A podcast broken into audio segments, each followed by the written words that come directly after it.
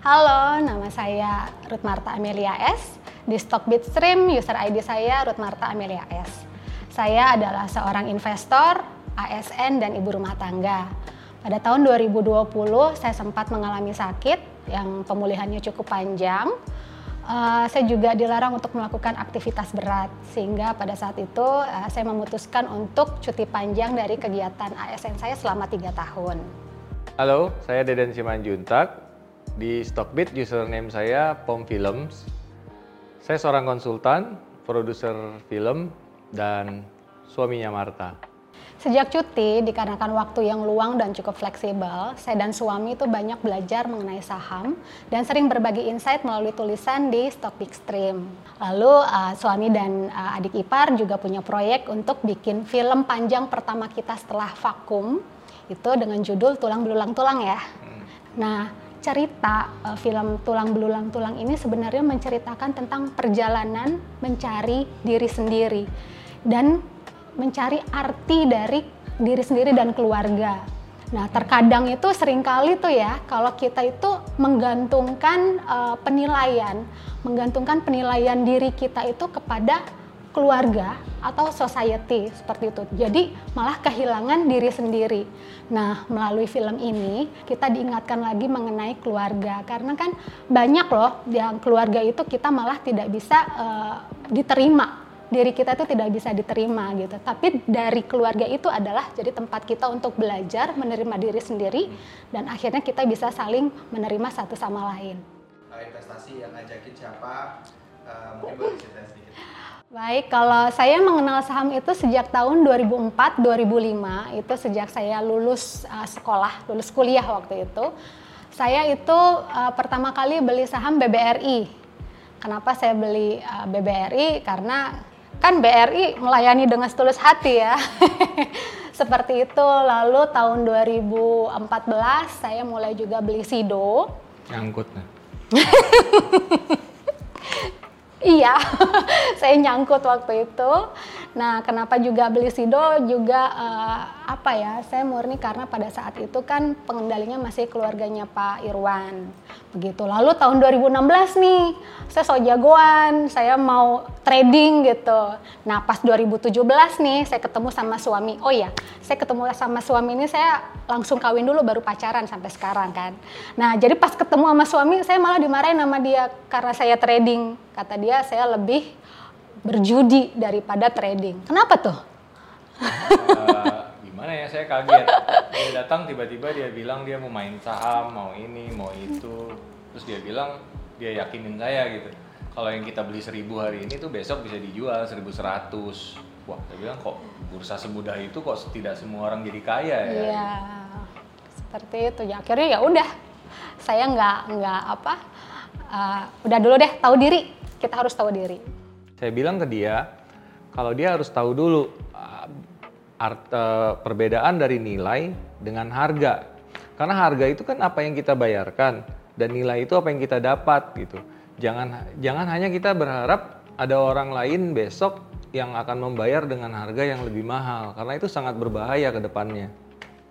Uh, tentang suka dan duka membangun investasi bareng sebagai suami istri. Suka dan duka berantem mulu. Itu pasti berantem berantem mulu. Tuh, harus.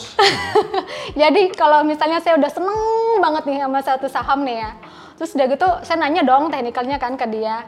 Dia jelasin, saya nggak ngerti-ngerti gitu kan. Saya balikin lagi ke dia, kalau kamu nggak bisa ngejelasin ke anak SD, berarti kamu nggak cukup memahami. Kayak gitu. Nah, kalau sukanya nih perempuan-perempuan, kalau saya seneng ya nih, semua profit dia 100% buat saya. Mungkin itu dukanya dia sih. Iya nggak? Ya itu sukanya di dia ya tapi nggak apa-apa lah. Karena kita jadi saling bisa saling mengenal satu sama lain dan ya uang kita untuk masa depan juga lebih aman kan di tangan dia. Metode apa yang bapak ibu gunakan dalam berinvestasi? Metode kita dalam berinvestasi itu nabung ngopi nyopet nabung ngopi nyopet ngopi itu tapi ngobrol pintar ya ngobrol pintar itu bukan harus di tempat ngopi tapi bisa juga dilakukan di stock stream Nah, tapi dalam hal ini kita membicarakan tentang nabung dulu ya. Soalnya portofolio kita memang dikelola demikian. Nah, kita tuh buka porto di Stockbit itu karena kita lagi nabung bikin film ya. Iya, sejak 2021 21 ya, akhir. November. Nah, kalau untuk nyopet itu kita lakukan hanya saat ada kesempatan. Jadi itu hanya eh, aktivitas sampingan kita gitu. Yang utamanya tetap nabung ya dan ngopi, ngobrol-ngobrol pintar di Stockbit. Ya, nah kalau untuk screening suatu emiten itu kita ada tiga hal. Yang pertama itu adalah produk. Mungkin karena kita paling sering lihat di sekitar kita apa itu produk. Dari situ juga kita bisa melihat respon marketnya seperti apa. Nah lalu kemudian kita lihat prospeknya bagaimana nih, ke depannya seperti apa nih. Dan yang ketiga adalah pengendali. Pengendali itu adalah siapa yang punya hajatnya nih di satu emiten ini. Nah, tapi dari tiga hal ini paling paling kuat, paling kuncinya itu adalah di pengendali. Nah, karena kalau menurut kita pengendali itu sebaik apa pun prospeknya, tapi kalau uh, pengendalinya itu tidak cukup baik, maka prospeknya itu uh, akan hancur, tidak akan bisa tercapai. Nah, tapi sebaliknya, kalaupun prospeknya itu tidak baik, tapi dengan pengendali yang baik, mungkin dengan usaha yang lebih maksimal, maka prospeknya itu akan bisa tercapai. Nah, nah nanti kalau udah tiga hal ini tercukupi nih, nanti Nah, saya baru- nanya ke suami saya Ya, nih. Baru kita pastiin tuh dari sisi fundamentalnya, kita lihat laporan keuangannya ya sekilas-sekilas aja sih, tidak yang penting tidak ada macam-macam, tidak ada pengeluaran yang aneh-aneh. Saya lebih fokus nge ngelihat uh, Altman score-nya itu untuk uh, tahu uh, resiko dia untuk bangkrut, terus kita lihat juga dari sisi teknikalnya. Nah, di teknikalnya itu kita biasa pakai yang simpel-simpel aja sih, kayak moving average 160, baik itu dari monthly, baik itu dari weekly atau daily-nya. Nah, logika di balik 160 itu adalah 160 minggu sebenarnya. 160 minggu itu tiga tahun performance dia selama tiga tahun terakhir. Nah, terakhir baru kita lihat tuh indikator yang pakai eh, Ichimoku Clouds. Itu sebenarnya sangat simple gitu. Kita bisa lihat itu harga sebenarnya sudah di atas atau di bawah eh, average-nya sebelum-sebelumnya. Nah, selain itu juga kita harus tetap perhatikan tiga hal, yaitu yang pertama itu adalah eh, sabar saat membeli, lalu kita juga harus ikhlas, ikhlas nih waktu ngejual, dan yang paling seru adalah kita harus bersyukur saat do nothing. Kendala apa yang sering Bapak Ibu hadapi ketika berinvestasi? Nah, saham incaran kita tuh kebanyakan tuh nggak liquid. Jadi saham-saham tidur yang sepi. Nah, jadi kita tuh nawar sadisnya sulit karena menunggu menunggu orang yang mau berbaik hati untuk menjual sahamnya kayak gitu. Iya, dan kenapa kita ambil saham-saham yang tidak liquid tuh karena ya dia punya potensi kan untuk eh, future dividend yield-nya yang cukup bisa tinggi kalau memang kinerja perusahaannya itu eh, membaik atau meledak gitu istilahnya. Atau jika dalam pasarnya yang mengapresiasi mereka terlalu cepat, itu kita bisa mendapatkan capital gain yang juga cukup lumayan gitu. Nah, kalau nawar sadis yang dimaksud sama Marta, itu ya kita tawar aja sesadis mungkin. Gitu. Kita kita HK satu dua lot di harga di kanan, tapi kita tawar aja sesadis mungkin di kiri sampai yang jualan itu pusing sendiri. Gitu. Dan kita waktunya tuh mungkin eh, untuk akumulasi eh, saham-saham sepi itu kita membutuhkan waktu sekitar enam bulan sampai satu Iya. tahun. Kita kita memang sengaja luangkan waktu untuk itu gitu. Dan kita sangat menikmatinya gitu. Ya nggak bisa satu dua hari untuk seperti itu gitu. Apa aja sih yang udah digunakan yang bisa menyelesaikan kendala-kendala yang dialami sama Nah, walaupun kita cuti, uh, tapi kita juga menyibukkan diri dengan kegiatan-kegiatan lain di luar.